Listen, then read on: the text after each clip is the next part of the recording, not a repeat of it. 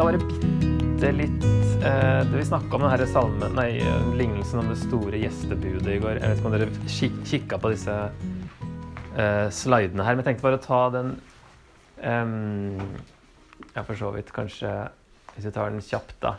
Så er konteksten et middagsselskap hos en fariseer. Og Jesus forteller lignelsen til en av gjestene mens andre hørte på.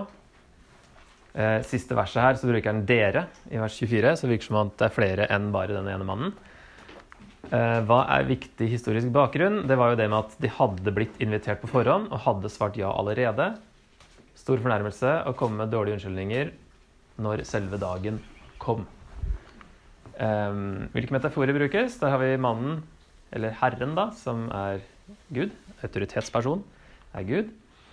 Festmåltidet er jo den uh, Messias uh, festmåltid i den nye tidsalder. De innbudte. Rakk dere å tenke på det? Hvem er de innbudte her i den lignelsen? De som har blitt innbudt, har svart ja, og som nå sier nei. Hva tenker dere da? Jeg tenkte israelittene og egentlig mest egentlig på fariseerne også. Ja. Mm. Ja, jeg kunne presisert det, men jeg tror jeg har det på en, et senere sted her. At det er mest lederne, ja, eller de som hadde forutsetning da, for å visste hva de snakka om. Altså de er blinde og uføre og alle de her. De hadde kanskje ikke like mye peiling på hva det ville si å være i pakt med Gud. Men her, de som hadde hørt Guds ord gjennom profetene i Gammeltestamentet da, og inngått pakt med Gud, de hadde blitt innbudt til den store festen når Messias kommer. Da eh, må dere komme, for da skjer det. Og de eh, har da sagt ja, vi vil være Guds folk ikke sant? ved å inngå pakt med Gud. Tjeneren som eh, går og og uh, sier fra at det er ferdig, den er ikke like klar, da, men uh, mulig om det har noe med Jesus og apostlene å gjøre. Men den er kanskje ikke helt uh, innlysende hvem det er. Og folkene, altså de andre som blir nødet til å komme inn, det er da de utstøtte som vanligvis ikke ble invitert til selskap, som er akkurat de samme gruppene som han nevner rett før lignelsen begynner. Han sier til han her som har selskap, at når du har stor uh, middagsselskap, så skal ikke, inn, ikke innby de som kan be deg tilbake, men innby de som ikke har mulighet til å gjøre det. Og så ramser han opp ja, de, de blinde og lamme og de utstøtte og fattige, eller noe sånt. Fire grupper, tror jeg. Så det er de samme som nå i lignelsen er de som, som takker ja, når de vanligvis ikke ble invitert engang. Så eh, hva er poenget med denne lignelsen? at jødene hadde skriftene og sin historie som inviterte dem inn i Guds rike, men de avviste det når Jesus og disiplene kom med den endelige innkallingen. I stedet tok uventede grupper mennesker imot evangeliet. Jesus skifter til 'dere' i vers 24 og snakker til gjestene. Han sier 'dere min fest', hva er det han sier?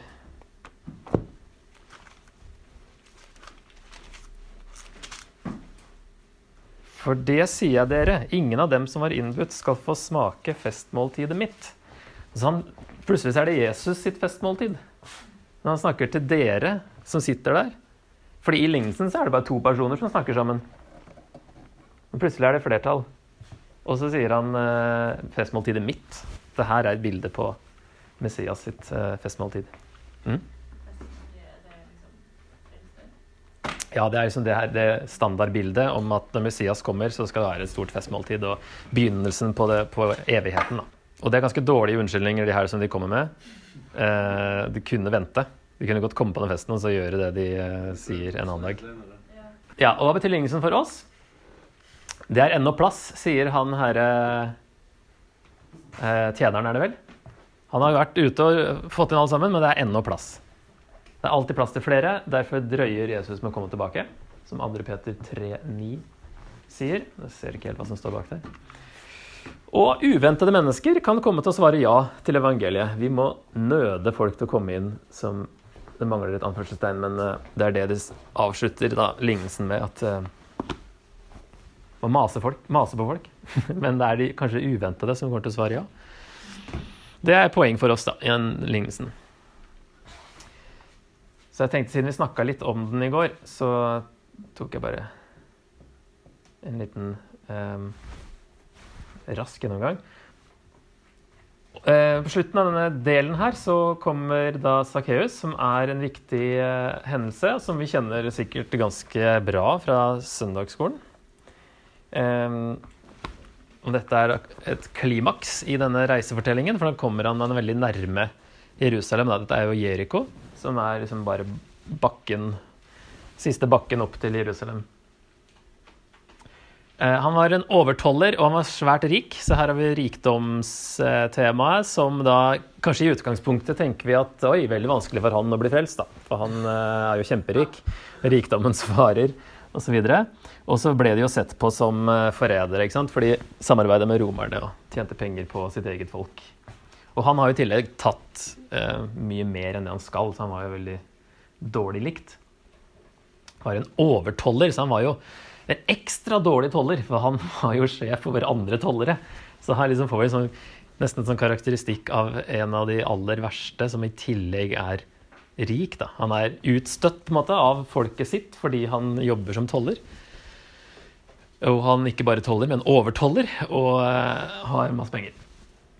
Eh, Så sier Jesus i dag må jeg ta inn hos deg. Så her har vi de to uttrykkene som går igjen når det gjelder Guds plan. Det er jo selvfølgelig andre måter å si ting på, men her har vi både noe som skal skje i dag, og noe som er nødvendig at det skjer. For Guds plans eh, skyld. I dag er frelse kommet til dette huset, for også han er en Abrahams sønn. Det er også Guds plan. Det er jo løftet til Abraham. Som sagt, i dag, ikke sant? det er sånn Lukas eh, sin måte, virker det som. Eh, eventuelt Jesus òg, da. Og vektlegge på at nå skjer det. Eh, vers 10 eh, så står det For menneskesønnen er kommet for å lete etter de bortkomne og berge dem, eller frelse dem, eller redde dem. Så det er et nøkkelvers. Ja, jeg har jo skrevet det her. At 1910 er et vers som summerer opp liksom Lukasevangeliet. Menneskesønnen er kommet for å lete etter de bortkomne. De utstøtte, de fattige, ikke sant? alle de bortkomne, og frelse dem. Berge dem. Jeg tror de endra det til berge nå i den nyeste. Um, Sakkeus blir et eksempel på hvem Jesus kom for å frelse. En synder som vender om og kommer til tro. Og apropos det her med rikdom, som vi snakka om i går, så har jo han ganske mye penger igjen. Selv om han gir bort veldig mye av det han har tatt på uærlig vis. Så er det ikke sånn at han gir bort alt. Sant? Men han gir bort mesteparten og masse. Så det er jo eh, blir et bilde på en som da omvender seg og setter Jesus først, uten å nødvendigvis eh, bli fattig. Hvis alle kristne ble fattige, så kunne vi liksom ikke kanskje få gjort så mye misjon, f.eks. det koster penger. Dette her er den siste uka. da. I, så nå er det egentlig alt på en uke her, eh, de siste kapitlene. Når han kommer til Jerusalem. Og i eh, Matteus, Markus og Lukas så kommer han jo til Jerusalem bare én gang. Og det er den siste uka. Um, her er det òg konfrontasjoner med lederskapet, og um, han renser tempelet. Og han har også en tale om at tempelet skal ødelegges, og går liksom rett i strupen på de jødiske lederne der, da. Så er det jo lidelse, død og oppstandelse, og en utsendelse med en misjonsbefaling også i Lukas, selv om det ikke er en befaling sånn rent grammatisk. Vi kan se på den til slutt. Men jeg forteller om en uh, lignelse til, da, som kommer utenfor denne uh, del to. Om uh, vinbøndene og arvingen. Og den er også med i Markus og Matteus på samme sted. Så det er liksom en lignelse han fortalte da når han kom til Jerusalem. Og konteksten der er noe som la merke til. Hvor er de, og hva har de akkurat snakka om? Det er når han rensa tempelet, så spør de med hvilken autoritet gjør du dette? Og kanskje òg med hvilken autoritet sier du det du sier? Og så sier Jesus det gidder jeg ikke å svare på, hvis ikke dere svarer hva dere mente om døperen Johannes. For det er en såpass Ja. For det er så tight link mellom døperen Johannes og Jesus. Det går ikke an å liksom godta den ene og ikke den andre. Og så tør ikke de, av, ja, de vil liksom være nøytrale på det punktet. Så sier sånn, da gidder ikke jeg å si noe heller. Men så forteller han den der lignelsen her i stedet. Så spørsmålet er om autoritet, og de er, står på tempelplassen. Altså hedningenes foregår, da, mest sannsynlig. Når han forteller denne her. Hvem fortelles lignelsen til? Det er jo da altså disse lederne, da. Overprestene, de skriftlærde og de eldste. Både i vers 1 og i vers 19 nevnes de, da. I vers 19 så skjønner de poenget med lignelsen, at han har fortalt den mot dem. Hva er viktig historisk bakgrunn? Det tror jeg kanskje ikke fant så veldig med. Så den var jeg oppover. Eh, hvilke metaforer brukes da i denne her? Eieren av vingården, hvem er det?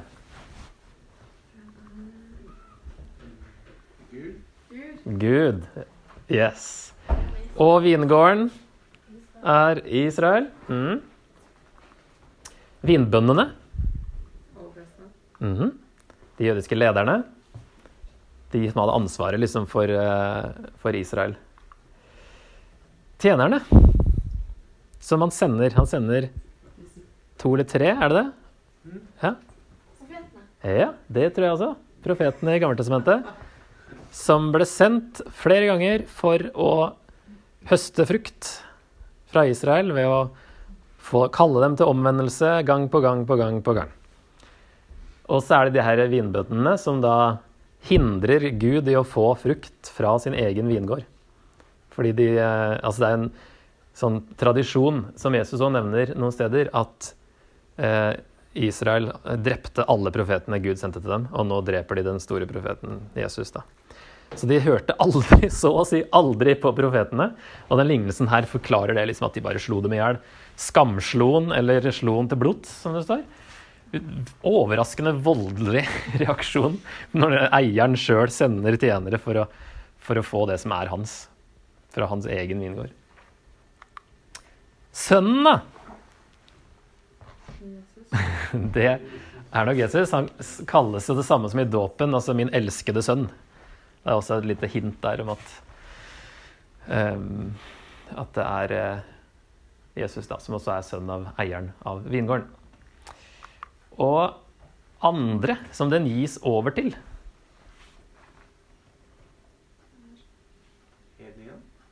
Nei, det er en vanlig misforståelse. I hvert fall så er ikke det første, første ledd. Vi skal se litt um, på hvorfor det nok ikke er helt det. Men det er senere kanskje hedningkristne ledere. I hvert fall. Altså det er et nytt lederskap som skal Det er samme Altså, Vingården er jo et bilde fra Jesaja 5. Eh, men her, altså i Jesaja 5, så er, da har Gud et problem med selve vingården. Her har han egentlig et problem med vinbøndene. Og han gir vingården til noen andre. Sånn at han setter nytt lederskap over vingården sin, men han blir kvitt de her dårlige vinbøndene. Og da er det nok Altså det er samme folket, men at det er et nytt lederskap. Og da er det nok kanskje apostlene og de første av deres medarbeidere, og etter hvert sånn hedningkristne ledere, da. Så etter hvert, så, Men det er ikke det at han forkaster hele Israel og gir hele Guds rike over til hedningene. Det er ikke en ny start, sånn sett. Det er en fortsettelse, men det er et nytt lederskap. Um, poenget med lignelsen er da at altså, konteksten er autoritet, men Israels ledere har aldri respektert Guds lederskap. Ingen av profetene ble respektert, og heller ikke Jesus. Jesus gidder ikke si hvor han har sin autoritet fra, fordi han vet at de ikke kommer til å respektere dette uansett. Privilegiet med å lede Guds folk tas fra prestene, de skriftlærde og de eldste, og gis til apostlene og andre trofaste ledere. De tolv apostlene representerer det nye Israel. Tolv stammer, tolv apostler. Det ligger noe symbolikk i det. Et nytt lederskap. De nåværende lederne, altså den gangen, da, på Jesu tid, eh, skal miste sin autoritet, straffes og forkastes av Gud. Og Jesus skal dø som en oppfyllelse av GT. Det er de versene han siterer til slutt, fra Salme 118 og litt forskjellig, med steinen som skal vrakes og sånt. Det er liksom at det her er Guds plan at det skal skje. At Gud sender sin sønn, og de vraker han også. Eh, Men her, for å ta ferdig den Men dette er ikke Guds rike som tas fra jødene og gis til hedningene. Det er lederskapet som skal byttes ut, men folket forblir det samme. Gud planter ikke en ny vingård. Men det blir etter hvert rom for hedninger. Og det ikke, tar ikke lang tid da, før eh, det er flere hedninger enn jøder. Det er liksom eh, bare litt ut i apostelens gjerninger. Så er det jo mange flere hedninger enn jøder i, i denne vingården. Hva betyr lignelsen for oss? Har jeg noe på den? Ja, bitte litt. Um, det jeg har som en veldig kort oppsummering av alt det her, er at eh, det å avvise Jesus fører til dom. um, og det er jo her sagt til de lederne, ikke sant, at nå blir dere snart knust. Så apropos det, og apropos um, kontekst, så er det veldig interessant da det som skjer i kapittel 21 der Jesus forutsier at tempelet skal bli ødelagt. Han står på tempelplassen, forteller lignelse, den lignelsen her, sier at nå kommer dommen. Um, omvend dere. uh, uten at han kanskje forventer at de kommer til å gjøre det. I kapittel 19 har han um, uh, sagt at Jerusalem skal ødelegges fordi de avviste Sier det ikke akkurat sånn, men uh, han gråter over Jerusalem. Når han nærmer seg, altså Jesus kom nærmere og så byen, gråt han over den og sa, Hadde du bare på denne dagen forstått, du også, hva som tjener til fred. Men nå er det skjult for øynene dine. Det skal komme dager over deg da fiendene dine kaster en vold opp omkring deg, omringer deg og trenger inn på deg fra alle kanter. De skal slå deg og barna dine til jorda, og det skal ikke bli stein tilbake på stein i deg, fordi du ikke forsto at tiden var kommet da Herren gjestet deg. Du skjønte ikke at dette var klimakset av Guds plan sier han når han får se Jerusalem. Så han, han gråter over Jerusalem over den dommen og den avvisningen. Eh, og så renser han tempelet i de versene etterpå og kaller det en røverhule, som vi kanskje er kjent med. Og det er et uttrykk fra Jeremia 7, der Jeremia har en tordentale mot tempelet eh, i Jerusalem den gangen. Og Gud sier at tempelet skal ødelegges, som det ble da i 586 før Kristus. Så Jesus, det er ikke tilfeldig at han henter fra Jeremia 7. Det er en tale om at tempelet skal ødelegges. Og det samme har liksom skjedd igjen, at de har ikke respektert tempelet. De tror at tempelet er deres åndelige sikkerhet. De kan leve som de vil fordi de har tempelet. Og så sier eh, Jesus da det er en, de har gjort en røverhule, og, og, så kommer den talen om at det skal ødelegges. Eh, konteksten er veldig viktig, fordi og i, i Lukas er det òg veldig mye lettere å tolke enn i Matteus 24 og Markus 13, som er parallellkapitlene, der det er litt mer diffust. Snakker han om tempelets ødeleggelse, eller snakker han om sin gjenkomst? Og så er vi vant til å kanskje lese hele det kapitlet, spesielt Matteus 24, som at det handler om Jesu gjenkomst. Krig og rykter om krig og jordskjelv og hungersnød og alt det der skal være tegn på Jesu gjenkomst.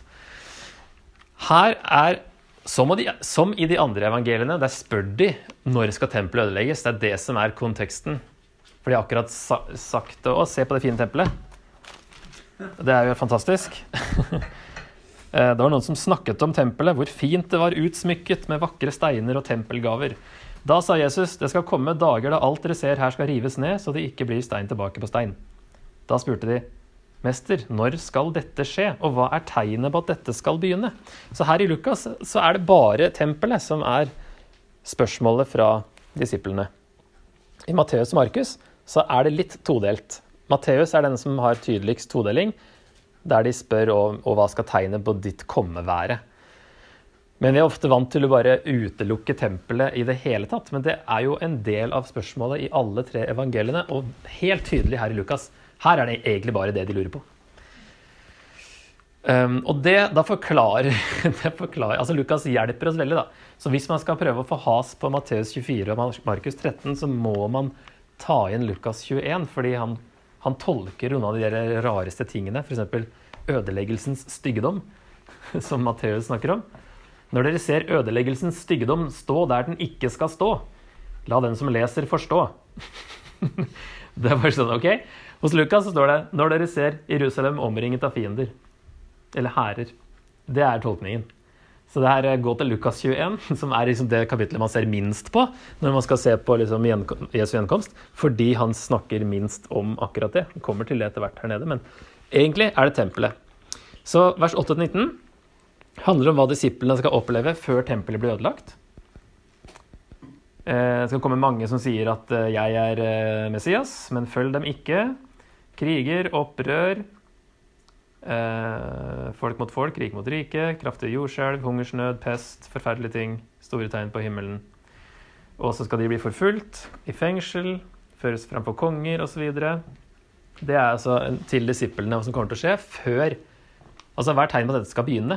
Altså når kommer den ødeleggelsen? Ja, først så skal dere i hvert fall Det er mye som skal skje før det, og dere kommer til å bli forfulgt.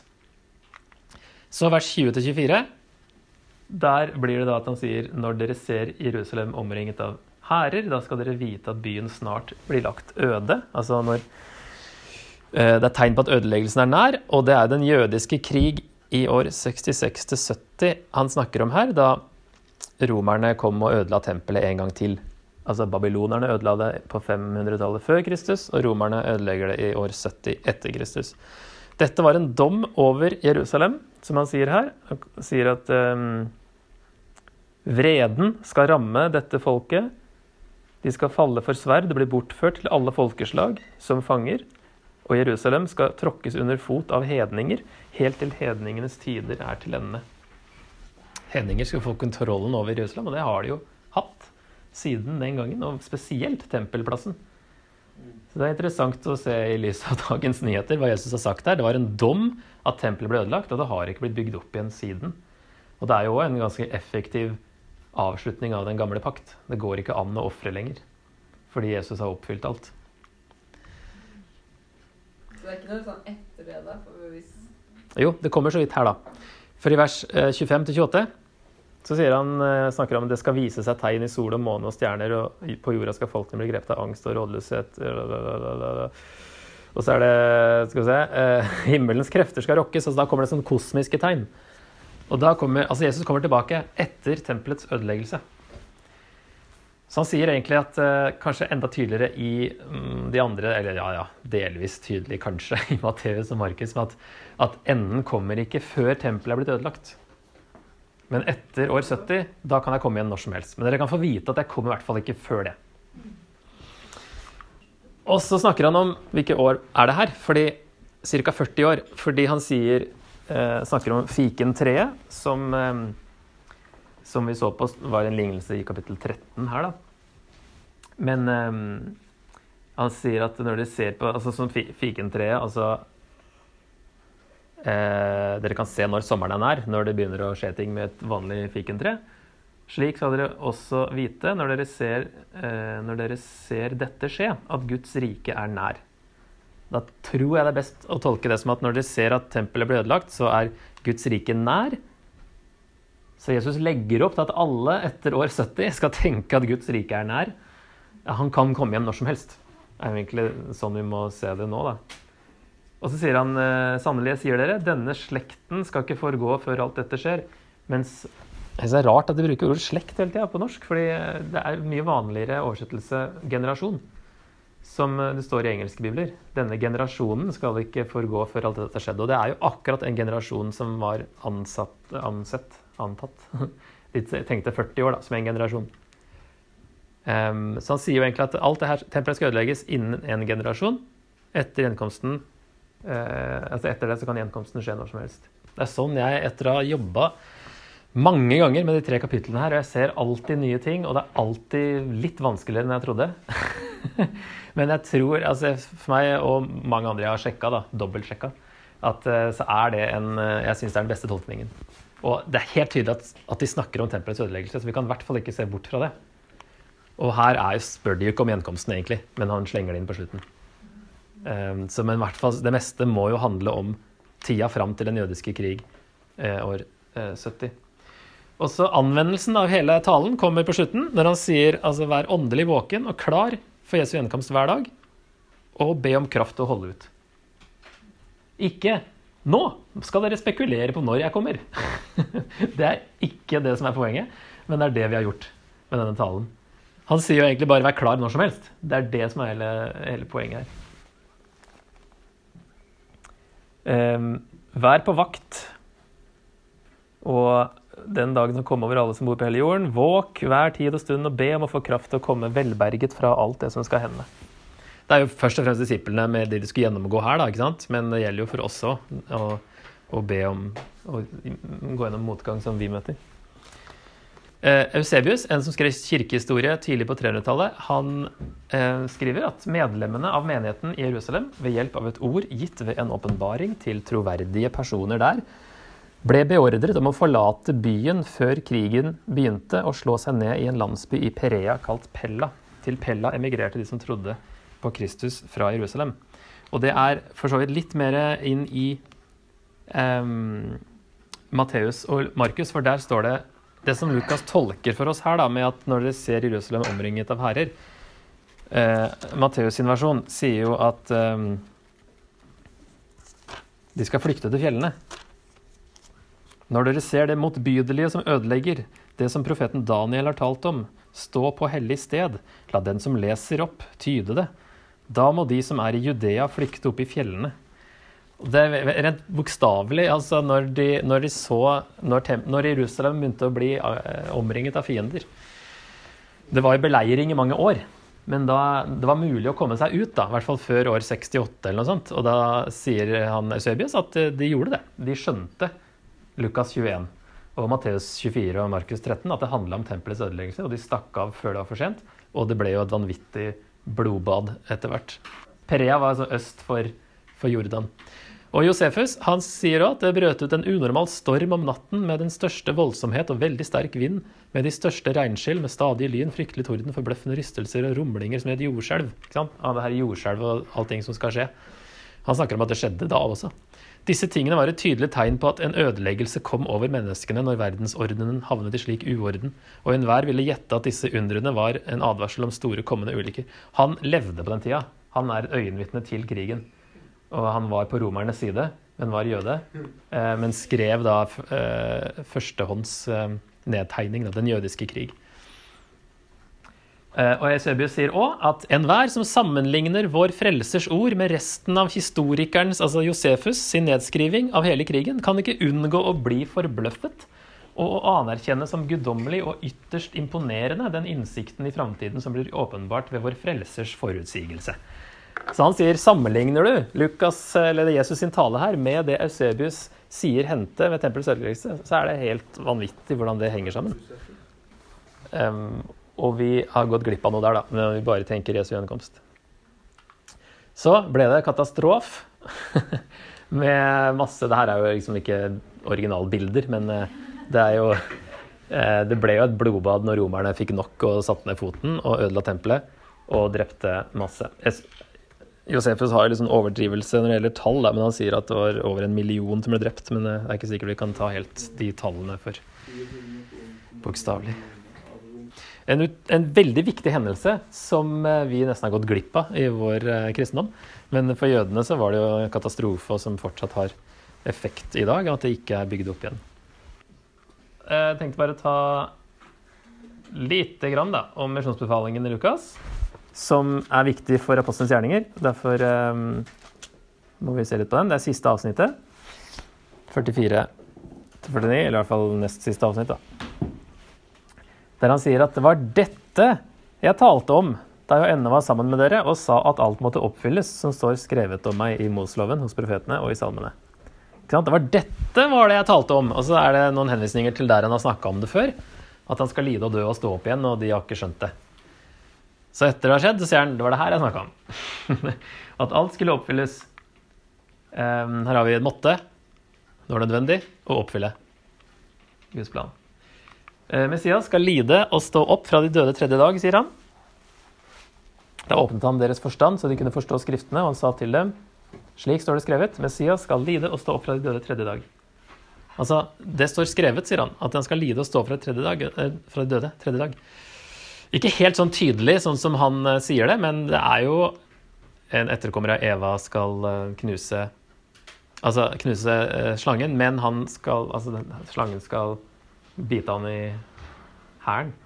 Det er en slags lidelse der. Så er det snakk om noen oppstandelse i Salme 16, lidelse i Salme 22 og 69, tror jeg. En oppstandelse her i 110. Lidelse og oppstandelse i Jesaja 53. Hosea 6,2 snakker om den, på den tredje dag gjør det oss levende. som må visstnok var blitt et sånt uttrykk for oppstandelse eller frelse på den tredje dagen. Og Jonas eh, 2.1 er jo da det som kalles for Jonategnet i, eh, Fisken. av Jesus. At han var tre dager i, eh, i fiskens buk, i dypet, og Jesus skal være tre dager i, i jorda. Så det er liksom litt sånn, på en måte litt gjemt, men eh, det er en, det er en del av det i Gammeltestamentet, at det er lidelse og oppstandelse, selv om det ikke sies helt tydelig. Og så kan vi også se på hele Israels historie med samme, at det har samme mønster. At det er lidelse og eksil pga. synd. Og så er det tilbakevending og oppstandelse når de kommer tilbake fra Babylon.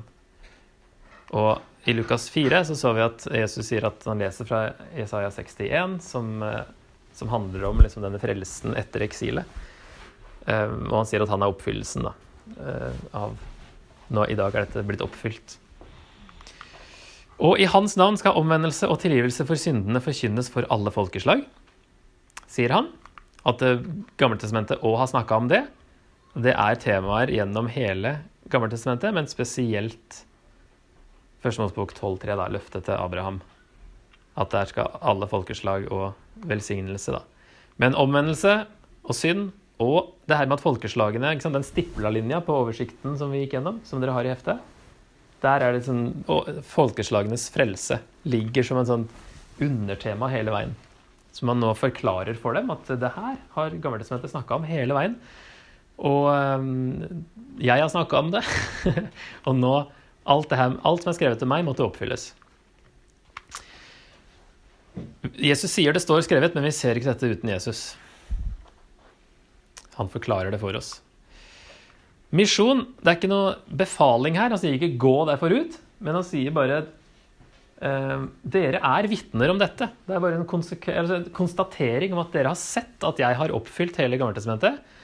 Og hvis vi ser på denne tråden da i den oversikten i Gammeltestamentet Når eh, Messias kommer, så kommer hedningene også. Er bildet som ofte profetene kommer med. I den messianske tidsalder, da strømmer hedningene til. Og Derfor sier Jesus ok, nå har Messias kommet, nå har jeg kommet. Da er det neste som skal skje, er at hedningene skal komme inn i Guds rike. Dere er vitner om at jeg har oppfylt det, og da blir det deres opp, oppdrag da, i neste bok eh, å få inn disse hedningene. Men de skal vente på kraft fra det høye. Så det er liksom bare en Misjon er en konsekvens av at Jesus har oppfylt GT. En helt naturlig neste skritt.